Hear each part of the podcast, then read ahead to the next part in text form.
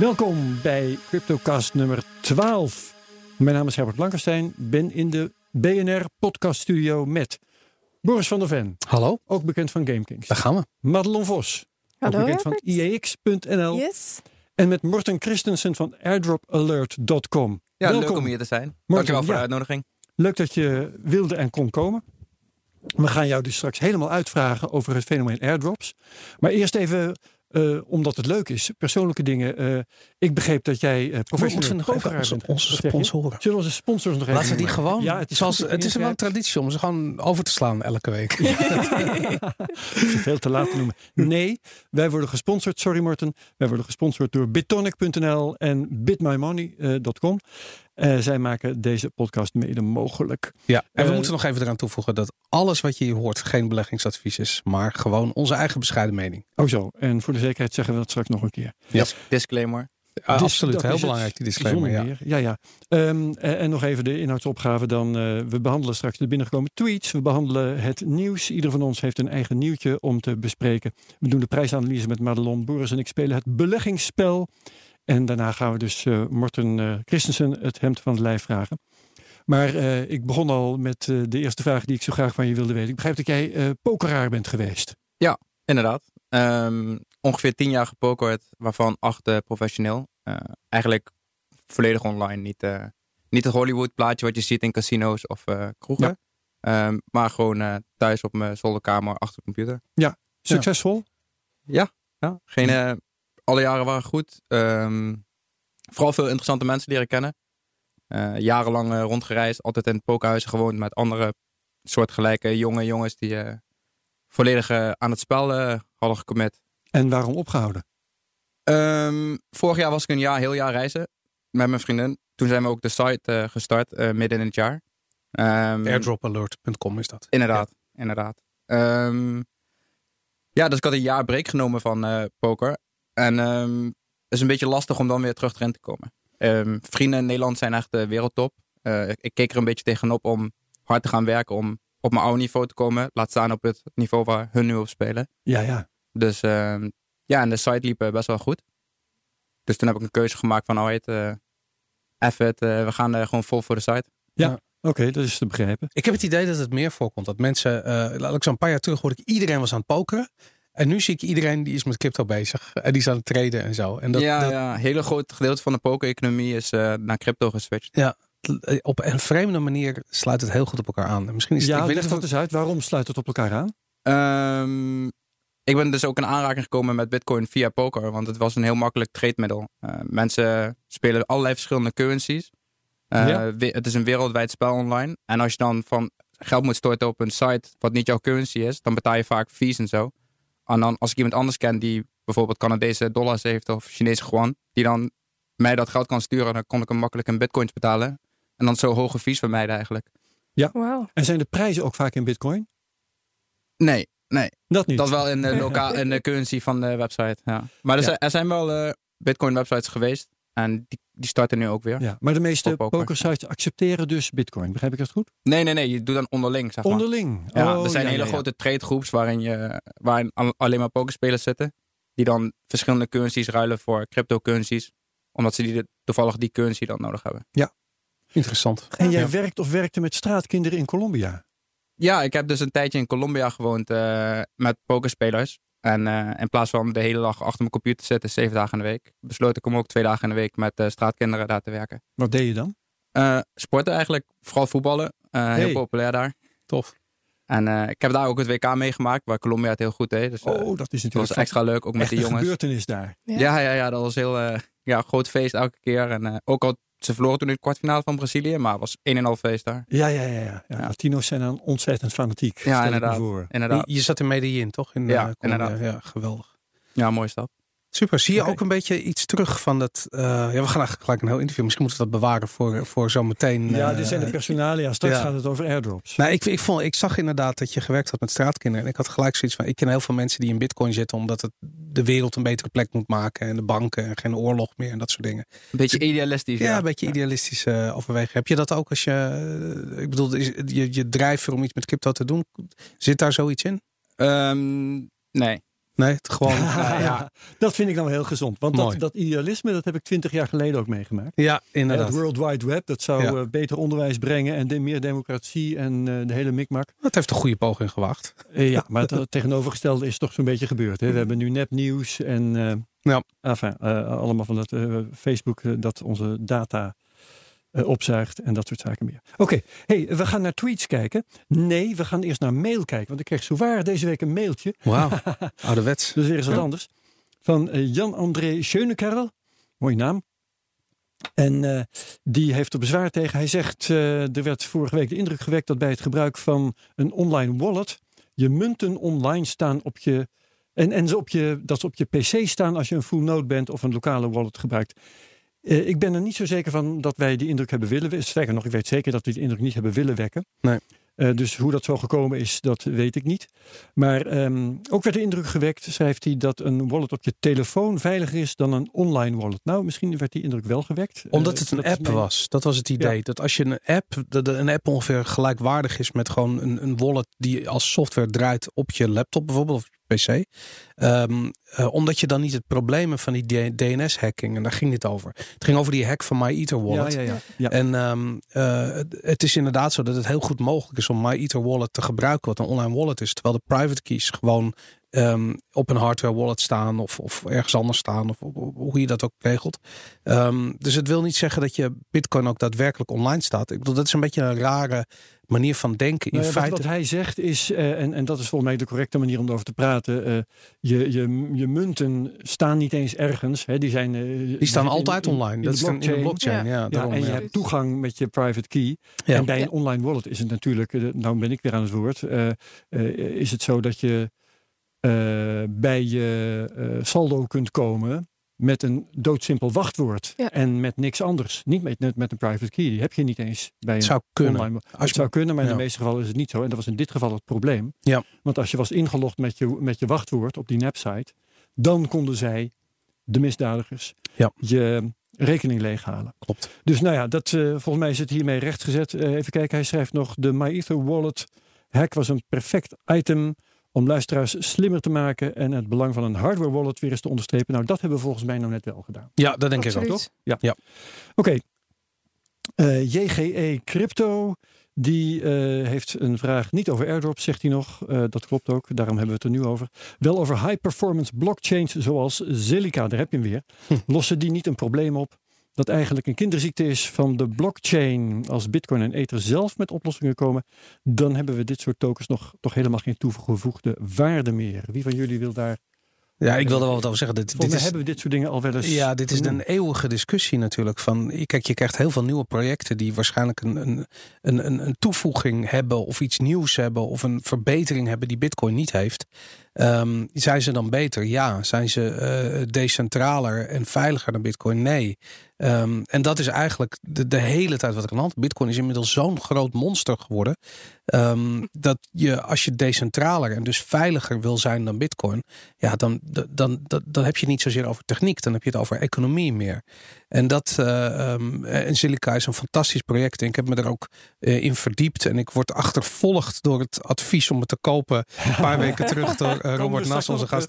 En ik heb het niet gedaan. En het, het gaat maar omhoog en het gaat maar omhoog. En iedere keer doet het weer pijn. Maar ehm, ja, nu zie je dat, dat dat soort projecten er gewoon heel veel komen. En ik, ik denk dat er gewoon heel veel plek is naast Bitcoin. Voor allerlei andere ehm, eh, initiatieven. Ja, maar ik hoor ook nog, volgens mij was het Daan Kleinman hier eh, zeggen dat eh, Bitcoin toch de meeste developers heeft. Ja. En dat allerlei features die nu eh, via andere coins tot ons komen, dat die eigenlijk ook wel in Bitcoin terecht gaan komen. Absoluut. Zeker, maar ja. dat, dat duurt wel eventjes. Kijk Ja. bijvoorbeeld naar de Lightning Network. Eh, we hebben er nog steeds niks van gehoord. Als in, ze zijn heel Nou, hard we horen er bezig. juist heel veel van. Maar Ja, ja. Ze zijn heel alles. hard bezig, Ja. maar we weten nog niet wanneer het nou eindelijk live gaat. We hebben nog geen datum en dat zouden we natuurlijk heel graag willen zien. Dat Ja, zou even naar fantastisch Morten. Christensen kijken trouwens. Hou jij op deze manier met altcoin bezig of, eh, Ehm, of niet? ik, ik kijk meestal niet naar het technische vlak. eh, of ik ben zelf niet technisch genoeg daarvoor. Dus eh, ik, ik laat dit technische mening aan mensen om me heen eh, over. Jij kijkt gewoon lekker naar die airdrops. Ja, inderdaad. Moet ook eh, gebeuren. Ehm, even kijken. Sebastiaan die vraagt: Het was zoals gewoonlijk weer een leuke CryptoCast. Dat vonden wij ook. Ehm, het nieuws van de. Oh, wacht even, dat is de, deze sla ik over, want eh, anders dan fiets ik uh, Madelon Ah, eh, ja. het gras voor de voeten weg. Ah, het haar nieuws dus die, komt straks bij het nieuws, alsnog. Ehm, Jan-Willem van Beek, hoe zullen altcoins nu gaan reageren als Bitcoin sterk stijgt? Stijgen ze mee omhoog op, de positieve of het, op het positieve sentiment? Of gaan ze omlaag omdat iedereen zijn geld in Bitcoin steekt? En moet ik kleine of grote marge hebben in stoplosses van alts? Dat lijkt me een vraag voor Madelon. Ja, ik, eh, ik vond het inderdaad een hele mooie vraag. Ik heb eventjes wat op papier gezet erover. Want je moet hier echt heel goed over nadenken. Als in, je kan hier niet zomaar een eh klinkklaar antwoord op geven. Nee, Als de je- ene keer gaat toch de, ga- gaan de coins met elkaar omhoog. En de andere keer zijn de bitcoin en de eh, andere zijn communicerende vaten. En het hangt er vanaf wat jouw doel is. Dus neem bijvoorbeeld Bitcoin stijgt. En de altcoins stijgen ook. Maar Bitcoin stijgt harder. Dan heeft dus Bitcoin een hogere ratio dan de altcoins. Dus dan zou je beter je geld in Bitcoin kunnen stoppen dan in de altcoins. Ja. Stel dat ehm, het geval is dat jij meer Bitcoins wil vergaren, dan had je dus niet. Maar stel dat het geval is dat je meer euro's wil hebben en Bitcoin stijgt en de altcoins stijgen ook, maar minder hard, kun je dus beter in Bitcoin blijven. Andersom kun je beter in altcoins stappen. Het hangt er dus maar net vanaf. ik ben Ja. helemaal de draad kwijt. Je moet, je moet er heel goed over nadenken. Het hangt er dus net vanaf of jouw doel is om meer bitcoins of meer euro's. Ja, te ja, ja, ja, ja, ja. Ik, ik, heb een, ik heb begrepen ooit dat omdat heel veel eh, coins op exchanges eh, een pair hebben, dus Ja. gepaired zijn aan een currency. Dus bijvoorbeeld, je hebt, eh, ik zeg maar Bitcoin, wat. Litecoin bijvoorbeeld. ja, dan is Litecoin wordt uitgedrukt niet in euro's, maar in Bitcoin. Dus Litecoin is 0,00616 Bitcoin Ja. waard, voor even uit mijn hoofd op dit ogenblik. Mhm. Als Bitcoin in euro's stijgt, Ja.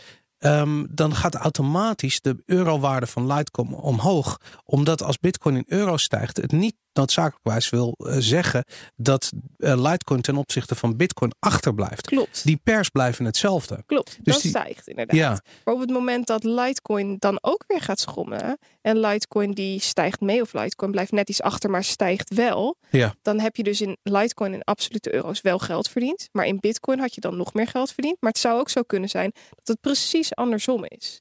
En dat is het hele lastige. Op het moment dat jij jouw doel is om meer euro's te vergaren, dan kan het best zijn dat jouw altcoins in Bitcoin prijs dalen, maar in altcoin prijs stijgen. Dus dat je absoluut In euro's euro's er meer aan ja. overhoudt. Ja, maar is het niet zo dat als je dat effect, hè, dat dus al die altcoins via die exchanges gekoppeld zijn aan Bitcoin, Mhm. en in feite hoeft alleen maar Bitcoin te stijgen en dalen om de hele markt te laten stijgen en dalen? Ja. In euro's. Dat zien we vrij vaak. Maar ja, wat we vaak zien hoeft niet altijd zo te zijn. Op dit moment doet Bitcoin bijna niks. Het ligt echt compleet stil. En als we dan kijken naar wat de alts doen, die schieten wel uit. Sommige behoorlijk naar beneden en sommige behoorlijk omhoog. Dus in principe kun je niet echt. Kijk, als Bitcoin 10 of 20 procent stijgt, zie je vaak dat de altcoins ook meegaan. Andersom precies hetzelfde. Ja. En dat, dan moet je voor jezelf nagaan: wil ik meer euro's of wil ik meer Bitcoin verzamelen? En op basis daarvan kun jij een positie voor jezelf inschalen. En omdat ik graag veel bitcoin wil, is het voor mij relatief makkelijk. Want ik moet er gewoon voor zorgen dat mijn bitcoin meer stijgt dan, dan de alt-posities. Of de alts meer stijgen dan de bitcoin-posities als ik weer terug wil naar bitcoin. Ja. Ik zeg, en, en die vraag eh, van, ehm, wie was het ook weer, eh, Jan-Willem van Beek. Eh, moet ik kleine of grote marge hebben in stoplosses van Oh ja. alt? Daar begrijp ik helemaal niks van, maar jij wel. Ja, eh, een stop-loss is een moment waarop je uitgetikt wordt. Dus stel dat je... Dat weet ik, ja. ja, ja. Ja, Dat, oké. ja. Nee, duidelijk. goed, oké. eh, Ehm, automatisch verkopen op het precies. moment dat de prijs gaat dalen. Ja, als de prijs daalt, dan kom je op een bepaald niveau en dan word je eruit gegooid. Nu is er in de aandelenmarkt daar een bepaalde tactiek voor. Dat je zoveel procent aanhoudt van de koers. Oh, dat is die En dan- marge waar hij het over heeft. Precies, Ja. dat is het percentage. Ehm, nu is het wel heel erg leuk, want ik heb mijn eigen tactiek op basis van stoplosses. En ik gebruik vaak de supportlijn die vlak onder de koers ligt. En dat Mhm. is dan een van de belangrijkste supportlijnen die er is. En op het moment dat hij daar doorheen breekt, verkoop ik gewoon of het nou een fake-out was of niet. En dat is dan op basis van de altcoins. Gewoon een veiligheidsmaatregel. Ja, en Ja. Bitcoin dan, ja, daar heb ik een iets ruimere, ruimere marge in zitten. En hoe zit je dat aan de bovenkant? Want dat vind ik een van de allermoeilijkste dingen. Wanneer stap je weer uit? Dat vind ik zelf ook heel erg lastig. Ik kijk vaak naar de negatieve divergenties en daar gebruik ik niet. eh niet Wat is een eh, negatieve divergentie? Eh, dat is wanneer de RSI, de toppen op de RSI lager worden, maar de koers nog steeds omhoog gaat. Dus de toppen op de koers worden hoger en de top op de RSI je gebruikt de. RSI om je een idee te geven waar je ongeveer bent in de prijsontwikkeling. En op het moment dat de RSI onder de 70 schiet, dat is het moment dat ik verkoop. ja, ja oké. oké. Interessant. Willem, een andere Willem, eh, Willem Popeye, die heeft een algemene vraag. Ik ben sinds kort begonnen met tijdens het valideren van mijn idee, ten behoeve van registratie op diverse locaties, diverse eh, exchanges neem ik aan, met mijn idee te annoteren. Schrijf meestal bedrijf en datum door mijn idee heen. Ook streep ik mijn BSN-nummer door. Daar krijg ik stevast gezeik mee. Hoe doen jullie dat? Nou, het is een fase waar wij waarschijnlijk allemaal zo'n beetje wel doorheen zijn. Hè? Te registreren op. Nee, ik vind het een hele goede vraag namelijk, want het gaat Dat over privacy. Ja, En het, eh, ehm, je, er zijn best wel wat exchanges die je eh, anoniem eh, wat. Kijk, ik, ik trade nauwelijks iets. Dus als je volgens mij tot één bitcoin. Eh eh, want je kunt traden wat je wil, maar het gaat erom hoeveel kun je op een dag eraf halen. ja, ja. En als je meer dan één bitcoin op een dag eraf wil halen, bijvoorbeeld, ik zeg maar even, toevallig weet ik dat Binance zoiets hanteert. moet je van alles eh, aan informatie. Ja, dan moet je paspoort. En, weet ik, en ik doe dat nooit, want ik heb zoiets van die mensen hoeven dat allemaal niet te weten van mij.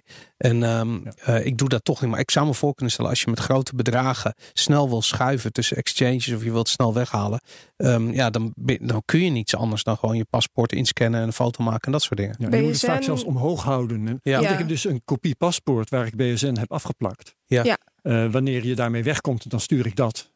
Eh, maar wanneer je je paspoort omhoog moet houden naast je gezicht voor een selfie, dan Ja. wordt dat toch weer lastig. Dat is waar. BSM-nummer doorstrepen zou ik eh, altijd aanraden. Eerst dat proberen en eh, of anders je- eventueel op zoek naar een andere exchange. Want je weet nooit wat er gebeurt met jouw eh, documenten die online eh, opgeslagen worden. Laatste tweet. Eh, ik denk ook voor Madelon. Wat zijn volgens jullie de beste nieuwsgroepen om te volgen op Telegram? Ik zal even kijken. Ik heb eh, een aantal nieuwsgroepen die ik volg. Ik eh, vind het leuk om. Even kijken. Welke heb ik die ik. de Crypto Board vind ik heel erg interessant.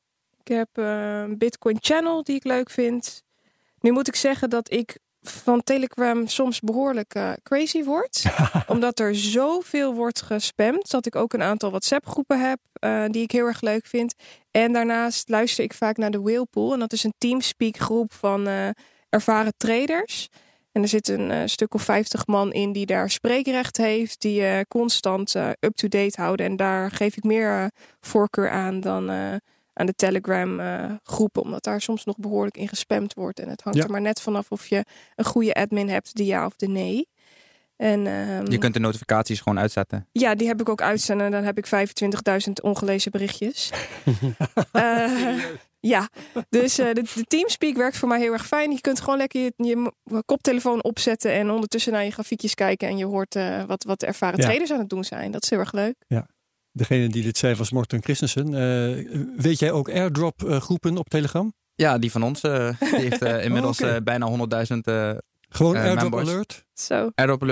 Helaas, eh, Airdropalert.com. Ja, helaas toen we de website begonnen, eh, waren we niet van plan om op social media actief te zijn. Want we dachten gewoon, we willen een website waar mensen informatie kunnen vinden. Ja. En toen is iemand zo slim geweest een paar weken later om eh, die naam van ons te pakken op socials. Oh, die is Dus- niet van jullie. Jullie hebben niet de airdrop Oh. komt op eh, Nee, die Twitter. hebben we wel, maar Oké. Iemand heeft airdrop alert gepakt. Oh shit. Ja, Dus, dan eh, mag je hem kopen en dan had je geen zin in. Ehm, nou, hij is eigenlijk een concurrerende site begonnen, dus eh, hij is niet van plan om te verkopen. Aha, alleen maar om Eh, jullie te pesten. Ja, ja ik denk het wel. Ja, ja, ja, Maar ja, ja. Maakt niet zoveel uit. Het, is Nou. gewoon, eh, het was op dat moment niet ons plan. En eh Maar aangezien het de eerste website is, eh, had ik ook niet aan gedacht van eh, social namen. Tuurlijk, nee, Ja. nee. Het zijn ook zoveel Het komt zoveel kanalen voor, die je dan langs... inderdaad. Ja, ja. Cryptocast trouwens hè, was op Twitter bezet. Ik heb degene die dat geregistreerd heeft in 2014 notabene. Oh wow. Heb ik nog aangeschreven. Maar eh, daarom hebben wij Crypt- Cryptocast NL. Natuurlijk, inderdaad. Ja. Miss Bitcoin met drie S'en. Same, eh, same, same. Ik denk ook dat dat de toekomst is. Gewoon, gewoon die, al die variaties op zo'n naam. Uiteindelijk Twitter gaat niet meer om die ene handle. Of, om- het gaat gewoon dat, dat netwerk en het netwerkeffect van je, Ja, van je ja. boodschap. En op een gegeven moment komt het wel goed. In elk geval wil je ons eh, tweet sturen. Het is CryptocastNL. Dat hadden we dus al gezegd. En we eindigen nu met de tweets. En we gaan het hebben over nieuws. Boris. Ja, mag ik beginnen? nieuwtje? Zeker. Uh, mijn nieuws deze week, wat mij opviel, is dat uh, de Reddit co-founder. Um, en dat is een uh, kerel die toevallig is getrouwd met uh, Serena Williams, de tennister. Um, en een kind heeft sinds kort, volgens mij. Oh, ook inderdaad. Oké, okay. zijn, zijn naam is uh, Ohanian. lijkt me een Ier. Um, of in ieder geval een Ierse afkomst. Hij heeft ja eigenlijk voorspeld dat de prijs van Ethereum aan het einde van het jaar 15.000 dollar gaat zijn. En, Dat ehm, was ook, want ik zie Morten eh knarsen tanden. Ja, ik had inderdaad ook, eh, hè? dat bekeken, ja. ja. Ja. Ja, ja, nou, Nou, het is een. eh, en- en waarom het me opviel, is omdat het natuurlijk een krankzinnige uitspraak is. Ten eerste, ik bedoel, niemand kan de toekomst voorspellen. Ik wil, het kan best wel eh, 15.000 dollar zijn, daar niet van. Ja. Maar hij zegt ook: Bitcoin blijft op 20.000 dollar. Maar wat het betekent, als dat zou zijn, dat betekent dat de market cap van. ehm, eh, van Ethereum van eh, ongeveer eh, 67 miljard naar anderhalf ehm, eh, wat, wat is het? Biljoen zou eh, springen. dat moeten we even narekenen. ja, zeg ik dat goed? Miljard, triljard, sorry, triljard. Zou. ehm, nee, joh, joh. Eh, even kijken. Het is het, het, het, het Ja, Engelse, het 15.000 Amerikaanse trillion in ieder geval. betekent Goed. gewoon 20 keer. Ja, maar Bitcoin is nog niet zoveel waard dat ik in die regionen heel erg veel eh, moet rekenen. Maar in ieder geval. Nee, maar Ether gaat dan 20 keer. Trillion Dus is is biljoen. market- ja, market biljoen toch? nu? Ja, Ja. het is een biljoen. Ja. De market cap nu is iets van 75 eh, miljard of zo. 67 Ja, miljard. Ja, Ja. dus Ja. dat maal 20. Dan moet ik ook heel even ik rond het af Anderhalf. 70. Ja, Dus dan krijg je 140 en dan krijg je 1,4 biljoen. ja, biljoen In inderdaad. Ja, daarom. Ja. Een biljoen inderdaad. Ja. Dus dat, eh, eh, nou ja, goed. Als dat zou gebeuren, betekent dat Bitcoin ten eerste niet op 20.000 eh, euro zou staan, of dollar zou staan. Maar het betekent ook dat, ik wil de wereld zou op zijn kop staan. We kunnen dat niet aan om in één keer op dat niveau uit te komen. Nee, dat, is, dat mag zo zijn. Maar ehm wij hadden hier Steven Saunders. Ja. In een van de eerste CryptoCast. En die voorspelde een eh, ether van 5000. Ja. Niet zo heel veel minder. Nee, dat vond je nou volgens ja, mij wel goed toch nieuws. wel een derde minder. Ja. ja. Nee, eh, dat is waar. Nee, ik, vind, ik vind dat ook goed nieuws. Maar het is meer dat wat me zo opvalt. Hij, is de, eh, hij zegt in het artikel ook dat hij zijn informatie haalt van Reddit. En ik ben ook regelmatig op Reddit te vinden. En wat me aan Reddit opvalt, is dat het zo'n goed voorbeeld is van allemaal kleine nieuwsbubbels. Dus als je daar bijvoorbeeld in eh, de Ethereum groepen gaat kijken. Nou, dan weet ik zeker dat je wegkomt met een soort emotie van het eind van het jaar is de miljard waard. Weet je, mensen zijn zo positief. En eh, deze kerel is eh, ongetwijfeld, Alex O'Hanny is ongetwijfeld volledig eh, eh, ja, beïnvloed door die nieuwsbubbels van zijn eigen website, Ja, van het. Reddit. En dat, dat vond ik zo mooi, want dit is precies wat er gebeurt. Als je te veel in specifieke Telegram groepen eh, rondhangt of te, te specifieke Reddit pagina's, je gaat gewoon mee in de emotie van één bepaalde coin en je verliest totaal het, ehm, eh, ja, eigenlijk het hele landschap uit het Ja, oog. ja. En dit is een schoolvoorbeeld van. En ik vind het grappig dat dat ja, wordt vervolgens nieuws. En hij roept dat Ja. ook maar. Weet je, Is dit ook hebben- niet een beetje marketing voor Reddit? Nou, hij is weg bij Reddit. Dus ik, ik, ik, Ja, misschien voor zijn eigen. eh, of voor zichzelf? ja, hij heeft een soort investment fund is hij aan het Of doen. het Ah. is een vriendjes bij Ja. Reddit een plezier doen. Dat kan Ja. Daarom, ja. Maar hij doet inderdaad een soort venture capital, iets met, eh, eh, met crypto. Dus misschien dat dat het wel is. Ja. Maar en ik moet eerlijk als hij had gezegd dat eh, eh, Ethereum aan het einde van het jaar eh 2000 dollar waard was, dan had niemand er enige Nee, vijf minuten aandacht aan geschonken. En ja, Ja. nu is hij met zo'n uitspraak, dan, dan haal je wel de, de Dus headlines. een heeft hij het over Ja. clickbait? Daarom, het Ja, is gewoon clickbait. Ja, Was ik ben erin getrapt. commentaar? Want wat, wat, wat had jij erover willen Eh, zeggen, ik had inderdaad eh, dat ook gelezen. En ik had ook eh, aansluitend erop gelezen dat Charlie Lee, eh, de founder van eh, Litecoin, eh, had getweet dat Reddit binnenkort waarschijnlijk Litecoin ook gaat accepteren als betaalmiddel. En ook Ethereum. Oké, Ethereum, Dus- oké. Volgens mij doen ze nu alleen Bitcoin. Maar is, is Reddit een platform waar mensen betalen voor iets? Ik bedoel, Meestal niet. nee. Meestal niet, nee, maar er zullen vaste betaalmogelijkheden zijn eh, Ja, op elk platform eigenlijk wel. Ja. oké, nou goed. Dat, eh, Oké, Madelon. Ja, ik had een, eh, een nieuwtje, of eigenlijk een oud nieuwtje.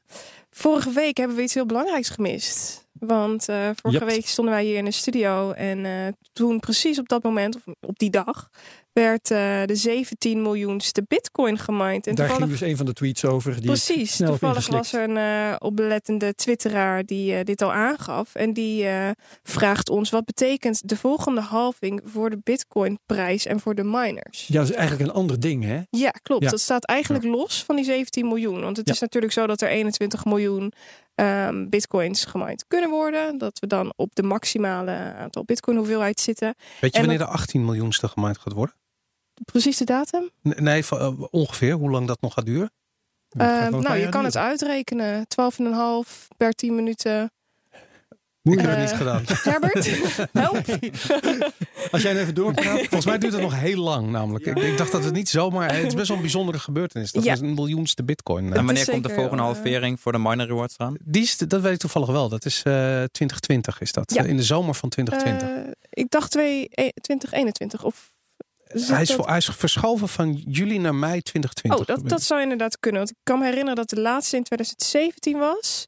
En dan duurt het vier jaar volgens mij. Maar het zou kunnen dat het 2020 Oké, is. nou, Laten we dat eh, aanhouden. ik heb het toevallig laatst nog opgezocht en toen zag ik 2020. dus dat. top. ehm, Ehm, en wat, gaat- wat, ja. ja. wat het leuke is hieraan. Toen Bitcoin als eerste, eh, of de eerste Bitcoin gemined werd, dat was in januari 2009. En toen hadden we 50 Bitcoins per blok. Ja. En iedere vier jaar vindt er dus een halving plaats, waardoor er dus minder Bitcoins gemined kunnen worden. En iedere 10 minuten gemiddeld genomen wordt een blok gemined. Die beloning wordt steeds Precies, de eh, beloning na van elke vier jaar gehalveerd. Ja, wordt Ja. steeds lager. Naar 25 stuks per blok en nu naar 12,5 eh bitcoin per blok. En wat dus, eh, even kijken, Sebastiaan vraagt, is of deze volgende halving die eraan zit te komen, of die invloed heeft op de prijs van de bitcoin en de miners. Wat dan leuk is om te doen, is natuurlijk even naar de grafiek kijken, wat eh, de vorige keer eh, het effect geweest is van de halving. En ehm, ja, ik moet heel eerlijk zeggen dat ik er de vorige keer onwijs ingetuind ben omdat eh, in 2013 de koers best wel steeg na de, na de best wel onwijs steeg na de halving. En ik dacht in 2017, ik denk dat het juli geweest is dat toen de ja, halving plaatsvond, Ja. dat het weer gelijk zo zou gaan stijgen. En dat was eigenlijk niet het geval. Het ging eigenlijk relatief steady door. En pas aan het einde van het jaar kregen we echt die sprint. En eh, Maar er speelde toen ook dat hele Big Block verhaal. Dus er Ja. was heel veel onzekerheid over. verhaal. Ja, Ja. dat hardfork verhaal. Dat, dat was heel veel onzekerheid. En ik heb het idee dat die halving wel. Er was wel echt een discussie over dat mining niet meer winstgevend zou zijn. En Mhm. het probleem. En uiteindelijk werd dat direct opgelost. Omdat we volgens mij van 500 dollar naar 1000 of 1200 gingen. Ja. Eh, eh, toen was het weer, eh, weer betaalbaar En voor zolang de de miners. bitcoin netjes over de kop blijft gaan, eh, zal het ook steeds zichzelf oplossen. Tot Ja. het punt dat die, die beloningen helemaal ophouden. Hè? Dan krijg je een hele nieuwe situatie ergens in 2040 of zo. Precies, want, er- want wat, waar mensen het zich wel... 21, 40 zelfs. Dat, gaat he- Nee. dat gaan wij niet meer meemaken. 2040 tot de laatste echt eh, hele bitcoin. En dan krijg je nog allemaal kleine mini-stukjes. Dat wat nog wel heel lang door kan lopen Oh, ja? in een, eh, Ah, oké. grafiek. Gaan we een keer een aparte podcast Ja. aan gaan we doen. Eh, wat ik dus wilde zeggen is waar heel veel eh misvatting op ontstaat. Is op het moment dat je zegt dat bitcoin beloning halveert. Dus dat er de helft van het aanbod is. Dat dan ook de koers het dubbele waard zou moeten zijn. Omdat het wel uit kan voor de miners. Dat is dus niet het geval. Het moet natuurlijk uit kunnen voor de miners. Maar voor hetzelfde geld hebben ze nu een hele hoge marge. En wordt die marge straks gehalveerd. Dat zou Ja. kunnen. Wat precies de effecten zijn zou ik nu nog niet kunnen zien. Dat is eh, Nee, maar dat wordt wel spannend. hè? Als we dan nog bestaan, waar we vanuit gaan, dan eh, Zeker. gaan we dat in de gaten. Heeft iemand eh, uitgerekend wat ongeveer de break-even price van een miner is? Nee. Ik zou het nu niet weten, want het verschilt over de wereld heel veel. Ik heb er wel een Ja. keer een artikel over Al gelezen. nagelang de kosten van elektriciteit. Ja, tussen de en, eh, 15.000 en, de 800 Apparatuur. zo uit mijn hoofd, wat ik gezien heb. Oké, oké. Het hangt heel erg van de hardware af. Ik, Ja. bedoel, ik, ik, ik heb een tijdje Ethereum gemined en het is één groot drama geworden. Het is wel Met leuk. kapotte kaarten en hele hoge energierekeningen. En volgens mij anderhalve Ethereum gemined in een jaar tijd. eh, Heel veel hoofdpijn aan overgehouden. Maar Hey, we moeten even Dat- doorstromen. Yes. Eh, mijn nieuws is dat Goldman Sachs eh, zich nu echt op de bitcoin gaat storten. Vorige week noemde ik al dat ze iemand hadden aangetrokken daarvoor. Maar nu hebben ze echt bekendgemaakt dat ze in, in elk geval in eerste instantie eh, bit- bitcoin futures aan hun klanten gaan aanbieden. En ja, iedereen verwacht dat ze daar eh, echt serieus werk van gaan maken. En ze hadden ook een, eh, even kijken, is een quote, hè? even mijn microfoon meenemen. Precies, die ben ik aan het. Ben Zal, ik ik hem voorlezen? Ja, doe jij Eh, maar eh, even. Ja, een van de eh, eh, personen die daarbij betrokken is geweest, die, die en ze- zij is een directrice en een spokesperson. En zij, Miss Jarrett, ze zei, die heeft gezegd: Goldman has concluded that Bitcoin is not a fraud and does not have the char- characteristics of currency. Ehm, maar goed, hun clients willen een, eenmaal handelen in, Ja. in Bitcoin, dus ze willen er iets mee doen. Maar het feit dat Goldman Sachs heeft de conclusie heeft getrokken dat Bitcoin dus niet een fraud is, nou, dat, dat mag echt wel in de krant hoor. Dat is En een, eh, officieel daar, zich daarin gaat storten. ja. Ja, dat is, klinkt heel anders dan Jamie Dimon van JP Morgan. Zeer ongeloofwaardig vind ik het. Ik Jij heb het idee dat ze, ja, dat ze heel graag je eens laatje uit willen slaan. Natuurlijk, Ja. Dat is een werk. Absoluut. Ja. Ja. Nee, maar het is natuurlijk. Kijk, dit is een van de meest conservatieve bedrijven in Wall Street. Echt het hart van Ja. het financiële eh, stelsel. En dat zelfs daar op dit ogenblik eh, gesproken wordt eh, over crypto. En dat het eigenlijk een onvermijdelijke ontwikkeling is. Nou, dat, dat, dat is eigenlijk een soort van schot voor de boeg over wat we zo meteen in regelgeving gaan zien. Ja. En ehm, ja, ook wat je in. Ik wil de Nederlandse banken huppelen een beetje achter Amerika aan. En dit ga je zo meteen in heel Europa horen. Alle banken gaan zich storten op crypto en op exchanges, want daar valt het geld te verdienen. Dus ehm, ja, dit is een, een mooi eh, voorproefje. We stomen door, want eh, we liggen ongeveer 100% achter op schema. Ehm Madelon, je prijsanalyse. Yes, de prijsanalyse. Nou, ik zal het kort houden deze keer. Ik pak hem er eventjes bij. Ik heb eh, vanochtend weer een hele mooie analyse gemaakt. Of althans, een hele mooie. Dit keer is het eh, een beetje, ja, saai. Ja. Ik vind eh, Bitcoin de afgelopen week ontiegelijk saai. Er gebeurt niet zoveel op de markt. Trading sideways. Ja, het ligt allemaal rustig. Ehm, ik kon er ook niet zo heel veel over zeggen. Ik gaf jullie vorige week aan dat ik me een beetje zorgen maakte over het eh, volume. Wat eh, nou ja, niet zo, niet zo sterk doordrukte. En ik maak me daar eigenlijk nog steeds wel best wel zorgen over. We zien nu dat het volume nog verder aan het afnemen is. Nou, dit is wat mij betreft hartstikke negatief. Ben even gaan inzoomen eh, op de vier uur grafiek om te kijken of ik toch een iets beter, duidelijker beeld zou kunnen krijgen. En daar zien we nu dat er een hele mooie symmetrical triangle wordt gevormd. Opnieuw. Dus eh, wachten is op de uitbraak van deze triangle. Nu is het 50-50 of die naar boven of naar beneden uitbreekt. Naar boven zouden we een koersdoel hebben van 10.000 dollar, minimaal 10.000 dollar. En naar beneden zouden we op een koersdoel zitten van 8.421 dollar. Dus dit is echt afwachten. En ik eh, verwacht dat die in de loop van, even kijken, voor dit weekend ongeveer. We zitten nu, ja, voor dit weekend eh, moet die ongeveer gaan uitbreken. Ja, wat ik daaruit haal is toch wel opvallend dat je het niet meer hebt over 3000. Ik heb het nog niet over 3000, maar dit is wel een hele belangrijke eh, moment of we hier nu opwaarts gaan uitbreken of neerwaarts. Want het zou best kunnen dat we nu neerwaarts gaan en dat we toch weer terug gaan testen op eh, de supportlijn van de symmetrical triangle. Ja. En dat zou dan indiceren dat we wellicht toch nog naar die 3000 kunnen. Oké, dus dat is nog niet helemaal Het uitgesloten. gevaar is nog niet geweken. We zijn nog niet uit de gevarenzone. Yes. Oké, dankjewel. Dan is het tijd, Boris, voor ons beleggingsspel. Waarin Ja. wij eh, fictief eh, elk 1000 euro in eh, Dollar, dollar. Ze- dollar in eh, crypto hebben gestoken. En elke week bijhouden hoe het ermee staat. Boris, hoe staat het ermee? Eh, ik ga lekker. ik sta voor het eerst op winst. Sinds we deze po- eh, podcast begonnen zijn, eh, sta ik nu boven de 1000 dollar en wel op 1147 dollar en 83 cent.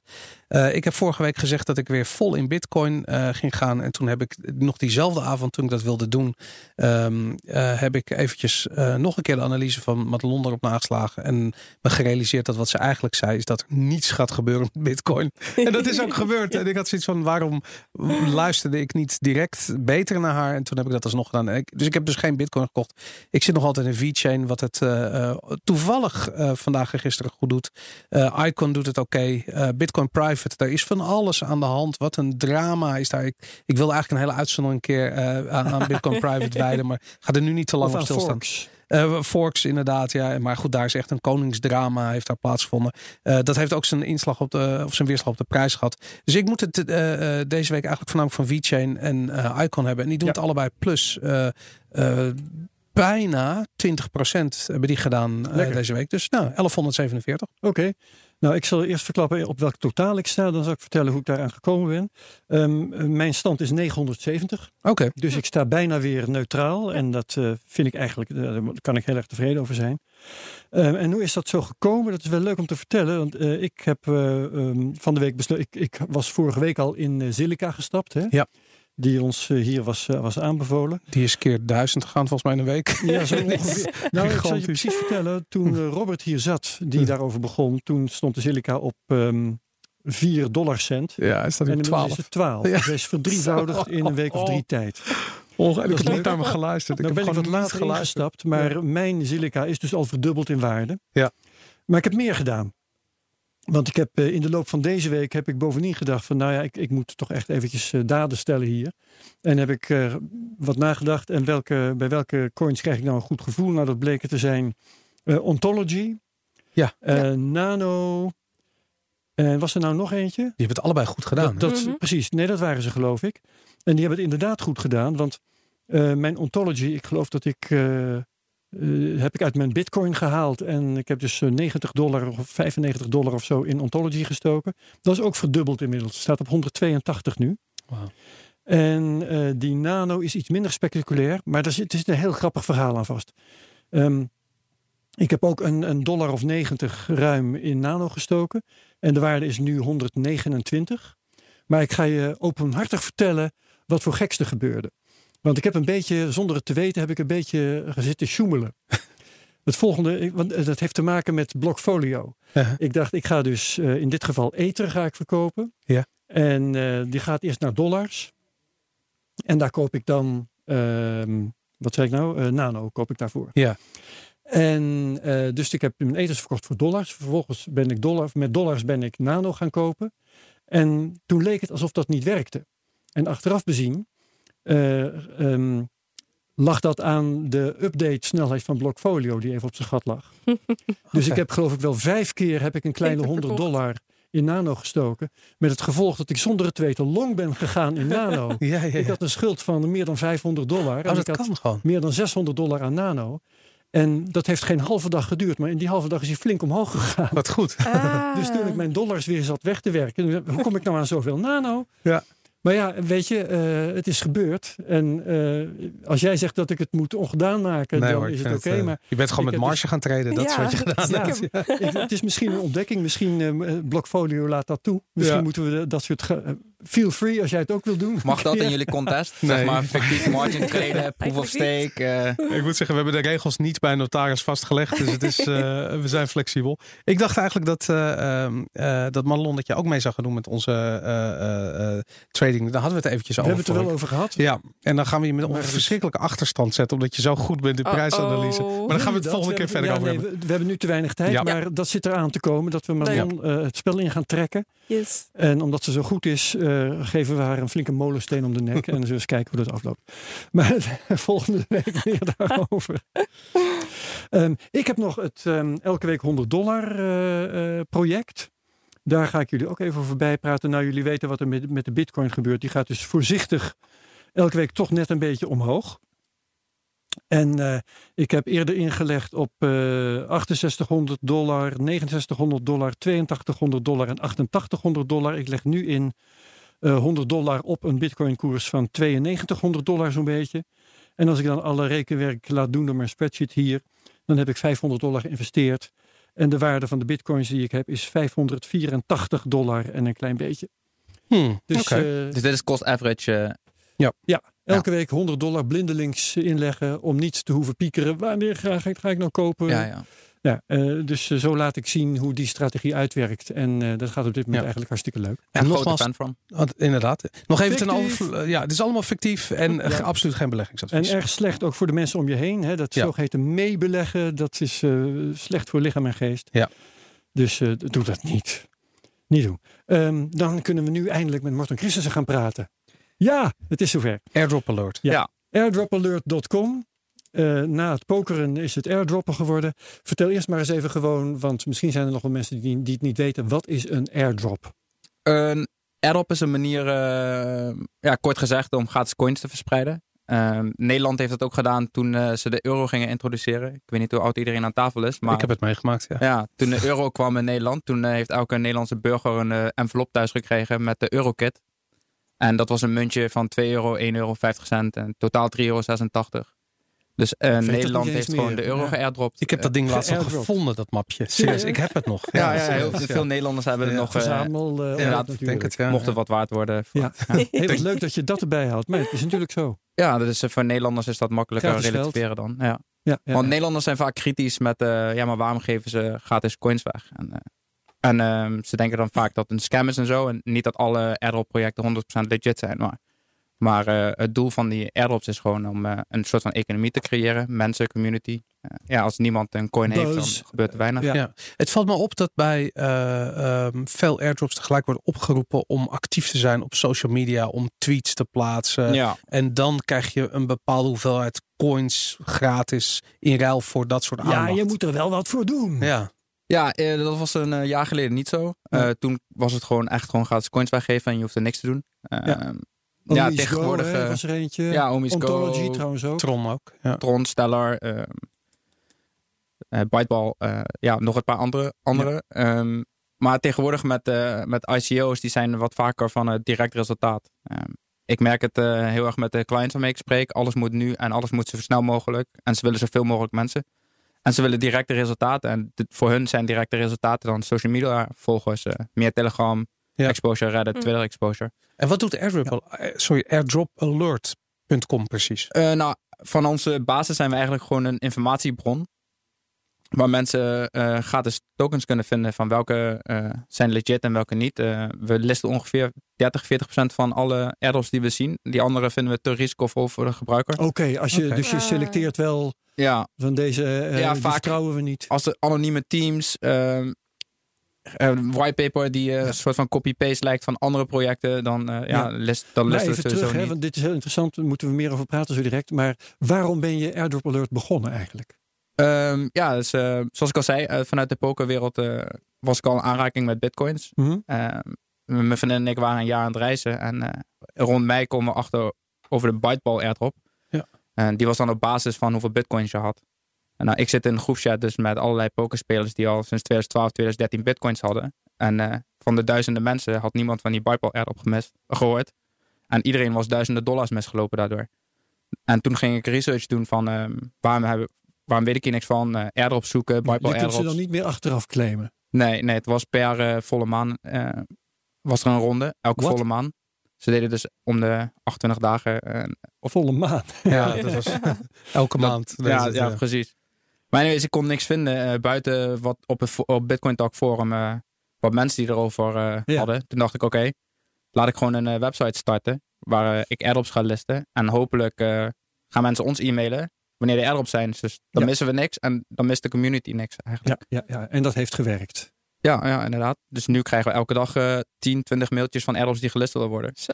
En eh, hoe, werkt het businessmodel precies? Betalen ze jullie of krijgen jullie eh, voorrang in de airdrop? Of wat? Hoe, hoe- Ja, we hebben inderdaad wat eh, marketing dingen. Sowieso advertisement is een grote affiliate marketing ook.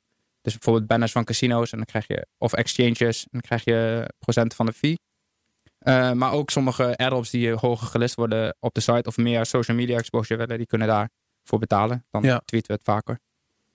Eh, en aangezien we nu eh, totaal iets van 200.000 volgers hebben, betalen ze graag. Ja, jullie zijn de grootste volgens mij ook. Hè, Ja, ja, first mover heb je een eh, voordeel. Ja.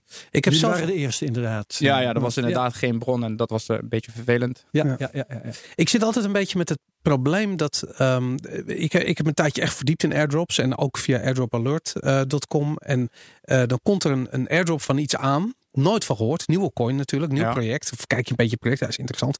En dan eh, krijg je, ik, ik weet niet, twee of drie euro ongeveer aan coins. Zoiets krijg je cadeau. Maar dan moet je wel eens eventjes een wallet installeren. En op een gegeven moment realiseerde ik me dat ik gewoon echt best wel veel werk aan het doen was voor die 2, 3 euro. En het is niet dat dat erg was. Want ik bedoel, als iemand je in 2008 of 2009 t- eh, 2, 3 euro aan bitcoin had gegeven, dan was je, hoefde je nooit meer te werken bij spreken. Dus het kan best wel wat worden. Maar al die verschillende projecten bij elkaar had ik echt zoiets van, het is zoveel werk en zo onoverzichtelijk geworden. Ehm, hoe, hoe, hoe zie jij de, de gebruikers daarin? Dat idee dat het echt gratis was, is er een beetje van af, heb ik het idee. Ja, door de, ze, ze worden ook steeds meer eh, greedy, die ICO's. Dus ze willen steeds meer taken. Ja. Eh, We proberen altijd te adviseren van minder taken is beter voor je conversierate. Want we zien het ook in analytics van dat je bij moeilijke airdrops krijg je gewoon minder kliks. De Ja. mensen zien het en dan krijg je 20% Ja. van de mensen die doorklikken. Dus je adviseert ook de airdroppers. Ja, inderdaad. eh, we hebben dagelijks contact met eh, verschillende ICO's over hoe of wat ze, ze willen aanpakken. Ehm, en vooral onze exclusive airdrops, dan zijn we vanaf het begin eh, als adviseur eigenlijk eh, over de airdrop en het eh, traject ervan. Dus jullie zijn wat dat betreft echt een, een belangrijke factor in het geheel. Ehm, ja, zo zie ik mezelf niet, maar eh, ik gewoon lucky op de juiste spot. En eh, door omstandigheden komen ze dan naar ons toe. Hey, je hebt eigenlijk twee soorten airdrops. Je hebt aan de ene kant bijvoorbeeld een airdrop waarbij ze zeggen van iedereen die een bepaalde coin heeft, bijvoorbeeld Ethereum, die krijgt van deze coin ook eentje. Dus stel je voor dat je 100.000 Ethereum krijg je heel erg veel van een andere coin. Dat komt voor. En je hebt die soort van verkapte PR-activiteiten waar je tweets en dingen en van alles en nog aan de hoepels moet springen om maar 2 euro aan gratis coin te krijgen. Ehm, hoe verhouden die twee zich tot elkaar? Ik bedoel, wat, wat zie je vaker? Eh, het laatste zie je vaker. Ja. ja. Eh, vooral omdat het heel duur is eh, ook om, eh, zoals Oh My Go. eh, ehm, ik denk dat je per, eh, als je op 10 kwei eh, eh, transactie doet. Ja. eh, en dat moet vaak met smart contracts. eh, om het snel door de blockchain heen te gooien. Dan betaal je ongeveer 1,8 ether per 5000 transacties. Oké, Dan soms doen wij al een airdrop aan 50.000 mensen. Dat kost dan 18 Zo. ether. wauw. En moet je nagaan als je naar alle ether-adressen wil, eh, airdroppen, dan eh, wordt het een duur grapje puur om mensen die tokens te geven. Hey, en doen jullie dan de registratie van die de- Regelen jullie de, regelen jullie de airdrop? Eh, voor de exclusive airdrops wel, dat zijn er nu 20 op onze site. Ehm, daar doen we meestal ook de distributie voor. Eh, soms willen ze het zelf in de hand houden. Ja. Ehm, ja, dat zijn stressvolle dagen. Dat kan ik me Ja, voorstellen. Ja, ja. Hey, maar eh, die eh, PR-airdrops, die, dat zijn er dus meer. Maar wel, welke werkt beter? Kun je daar iets van zeggen? Ehm, ik heb geen prijsanalyse gedaan eh, welke beter zou werken op lange termijn. Eh, Nee, ik denk ook dat het moeilijk, want het gaat ook om bewustzijn. En, eh, hè, Ja, er zijn dat, heel veel factoren die helpen bij een airdrop, ook lange termijn eh, Moeilijk te factoren. meten. Ja, zoals, zoals jij zei, dat mensen een wallet moeten downloaden om een airdrop te krijgen.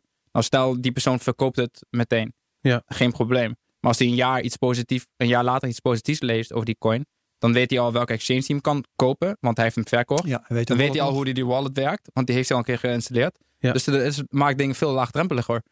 Ehm, dus ja, de lange termijn van airdrops, het effect is nog moeilijk te bepalen eh, op dit moment, omdat het concept nog vrij jong is. Wat is jullie meest succesvolle project? Ehm Shivon, die hebben we ehm, in maart gedaan. Ja. Airdrop eh, voor 50.000 mensen. Hadden we binnen een week. En de pre-sale daarvan heeft nu 32 miljoen opgehaald. En in de huidige ICO-tijd is dat echt fantastisch. Ja. Ja. Nu halen ICO's heel weinig op. En wat hebben die mensen eh, aan die airdrop dan overgehouden? Hè? De mensen die die gratis coins Ehm, hebben gekregen. Ze krijgen de distributie is dus nog niet gedaan. Die is Ja. eh, na ICO. Ehm, als je de, de eerste 20.000 kreeg volgens mij ongeveer 12 dollar. En de laatste 30.000 ongeveer 9 dollar. En die, je had ook nog een refill systeem. Als je vrienden naar, je, naar de airdrop uitnodigt, kreeg je 4 dollar eh, per vriend of zo die uitnodigde. Doe jij is dat dus- zelf ook nog allemaal bij al die airdrops dat je die wallets downloadt of dat werk doet om die te krijgen? Eh, een collega van mij test alle airdrops wel die we willen listen. Dus eh, daar wordt dat wel voor gebeurd. Gewoon om te kijken. Want je weet nooit. Ja. Vroeger zagen we ook wel eens dat dan op de laatste pagina om een private key werd gevraagd of zo. Ja, ja. Dus ja, dan moet je wel door heel de stappen gaan om te kijken of ze niks raars vragen. Hey, want hoe kijk je daar tegenaan, tegen privacy? Ehm, ja, privacy is heel belangrijk. We zijn ook eh, goed eh, bezig met eh, dat we aan de, eh, hoe- compliant aan de nieuwe wetten zijn. Ja. Want, want ik bedoel, er zijn inderdaad airdrops die vragen eh, of een private key. Nou, dat is natuurlijk helemaal ja, belachelijk dat voor is woorden. een scam. Ja. Maar dat, ja, dat is een scam. Maar goed, die zijn er. eh, dat, dat komt verrassend veel voor. ja, die zijn er. Maar ook, eh, kijk, als een bepaalde airdrop zegt van nou iedereen die één ether heeft, krijgt één van mijn nieuwe coins. In feite, wat je dan doet, is kijken op welke adressen er hoeveel ether staat. En ik heb me wel eens afgevraagd van ja, als, er, als je zou willen weten als overheid bijvoorbeeld, om te weten eh, wie welke hoeveelheid aan bitcoins heeft. Nou, wat is er makkelijker dan een airdrop verzinnen en mensen iets Ja. beloven. En mensen gaan gewoon blind al die informatie ergens uploaden naar een website. We Ja, verzinnen een inderdaad. nieuwe coin, de fiscus. Bijvoorbeeld de fi- Fiscus coin, ja inderdaad. Ja. En, eh, en in principe is eh, blockchain eh, toegankelijk voor iedereen. Iedereen kan alle transacties zien. eh, eh, als je ooit iets koopt op thuisbezorgd, wat ik in 2014 heel vaak heb gedaan. eh, of 2015 interesseerde ze Bitcoin volgens mij. Ja. Ja, dan, dan is mijn Bitcoin-adres ook al eigenlijk bekend aan mijn naam. Ehm, dus ja, als je ooit ergens iets bestelt, eh, doet waaraan je identiteit wordt gelinkt, dan is het altijd weer terug te traceren. Maar hoe, Dus ga, niet alleen hoe kijk je daar zelf tegenaan? Want ik bedoel, in- ik weet in 2015 was het nog eigenlijk ja, grappig dat thuisbezorgd.nl dat accepteerde. En bitcoin was een paar honderd dollar waard, whatever.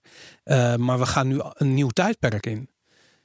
Hoe, hoe kijk je er zelf tegenaan? Ik zal zelf eh, heel erg ehm, uitkijken met wat ik eh, vrijgeef qua ident- identiteit voor, voor airdrops of voor alles blockchain related. Ja, want ik heb dat namelijk ook al met, met, met die social media vragen. Want ze vragen letterlijk, wat is je Twitter, Twitter-handle, eh, ja. Twitter-handle en wat doe je daar dan op? En nou goed, je bent gewoon niet meer anoniem.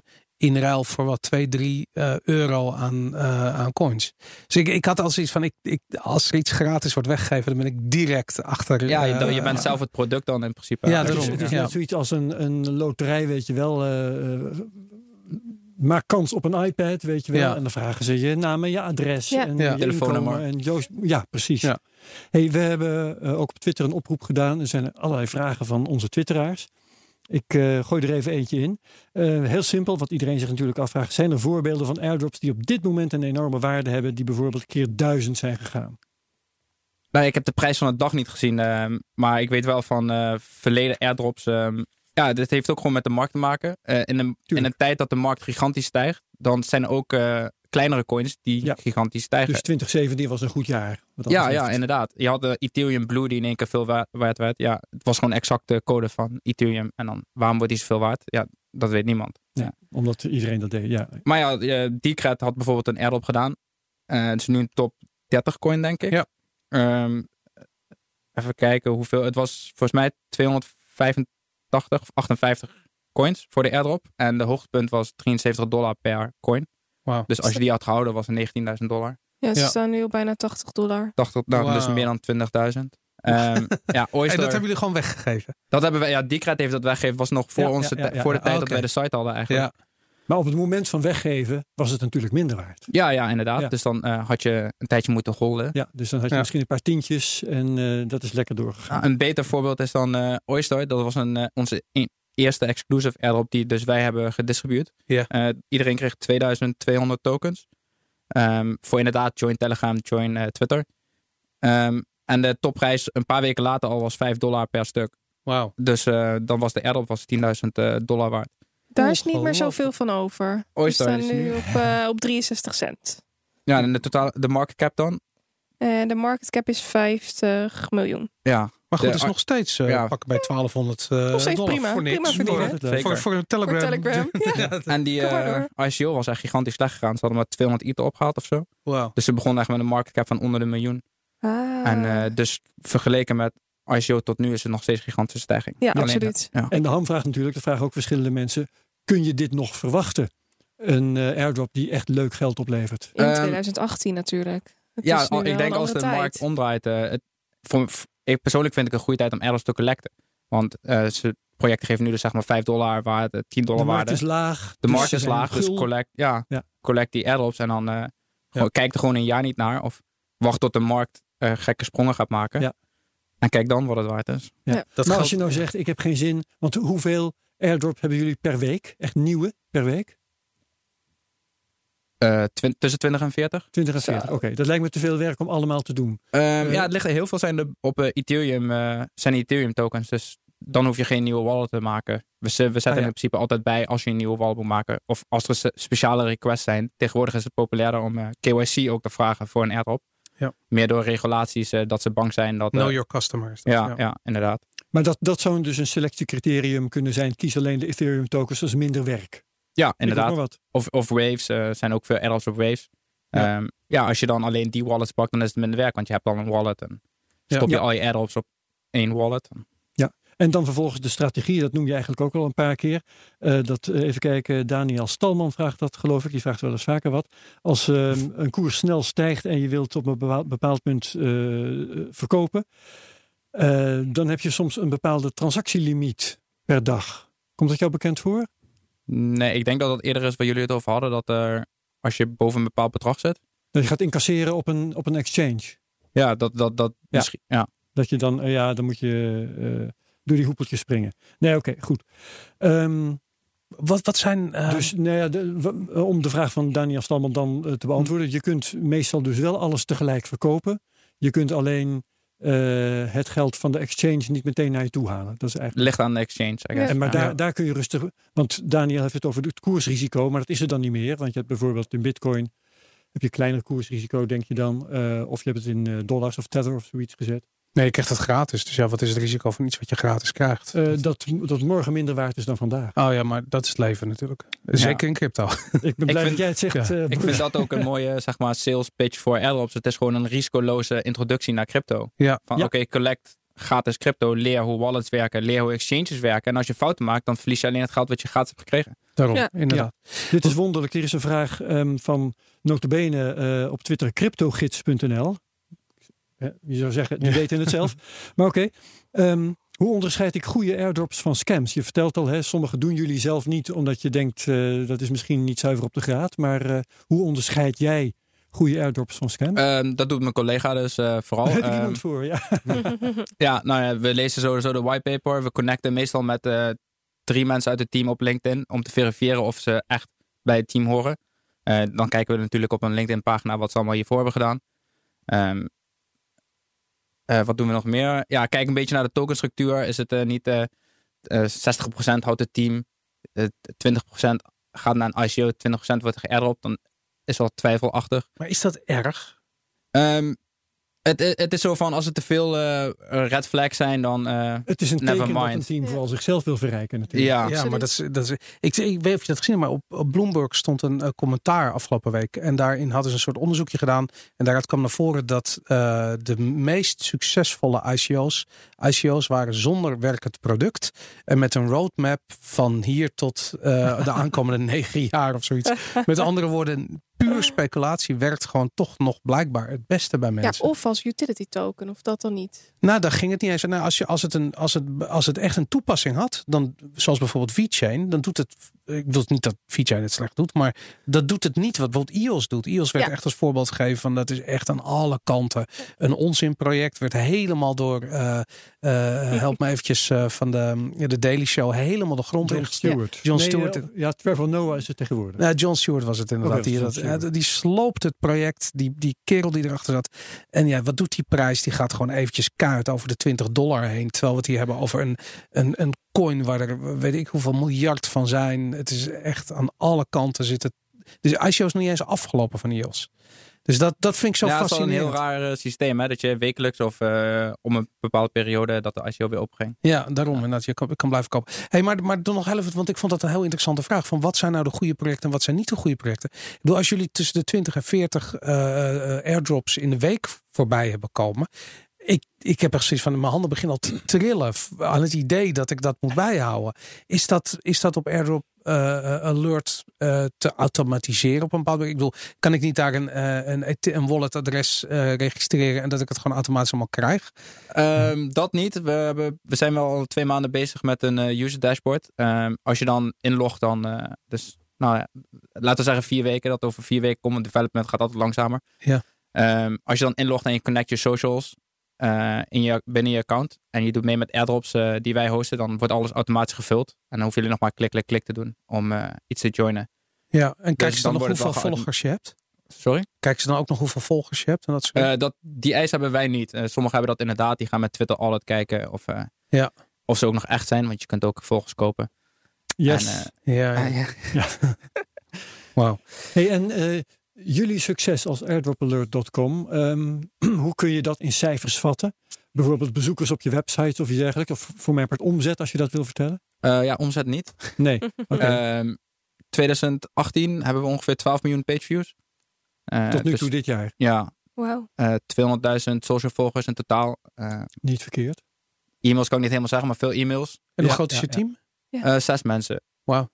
En die werken fulltime, zijn die eigenlijk bezig met de airdrops die Ja, bedrijven En verdienen een salaris. Ja. Ja. En jullie opereren wereldwijd, dat is natuurlijk belangrijk. Hè? Ik bedoel, ja jullie zitten, iedereen is remote. Ja. Ja. ja, dat, ja, en inderdaad Oh ook ja, nog eens een waar, keertje, eh, waar, ja. waar heb jij mensen zitten? Welke landen? Eh, India, China, Bosnië, Nederland. Serieus. En hoe kom je aan die mensen? Kende je die al? Zijn van die pokeraars zeker? Nee, nee. Oh nee. Ja, via via eigenlijk. eh, Via via. Ja, sommige via Pokerwereld, sommige die development team in Bosnië heb ik dan ontmoet via een ICO. Die CEO zat dan in Rotterdam en via LinkedIn wissel, eh, via LinkedIn verificatie kwam er achter even zitten allebei in Rotterdam. Daar hebben we even ontmoet en eh, toen mochten we gebruik maken van zijn development team. Ja. Eh, heel goed van wissel, ICO loopt nog. nou, kijk, die heeft Hey, gelijk en, zijn, dat je geen omzet eh, vertelt, dat vind ik prima. Dat begrijp ik heel goed. Maar eh, ik had nog wel de vraag staan, waar verdien jij nou eigenlijk meer mee? Met airdrops of met airdropalert.com? Ja, met airdrop.com natuurlijk. Ja, Ja. Anders eh, was het niet echt sustainable business model zijn als ik meer zou verdienen met eh, alleen airdrops mee. Dat is volkomen duidelijk. ja. verdien je meer met advertising of meer met de airdrops uitvoeren voor de ICO's? Eh, dat laatste. Ja. Ja. En ook met de referral veel. Ehm, Ja. Dus eh, Natuurlijk, ja.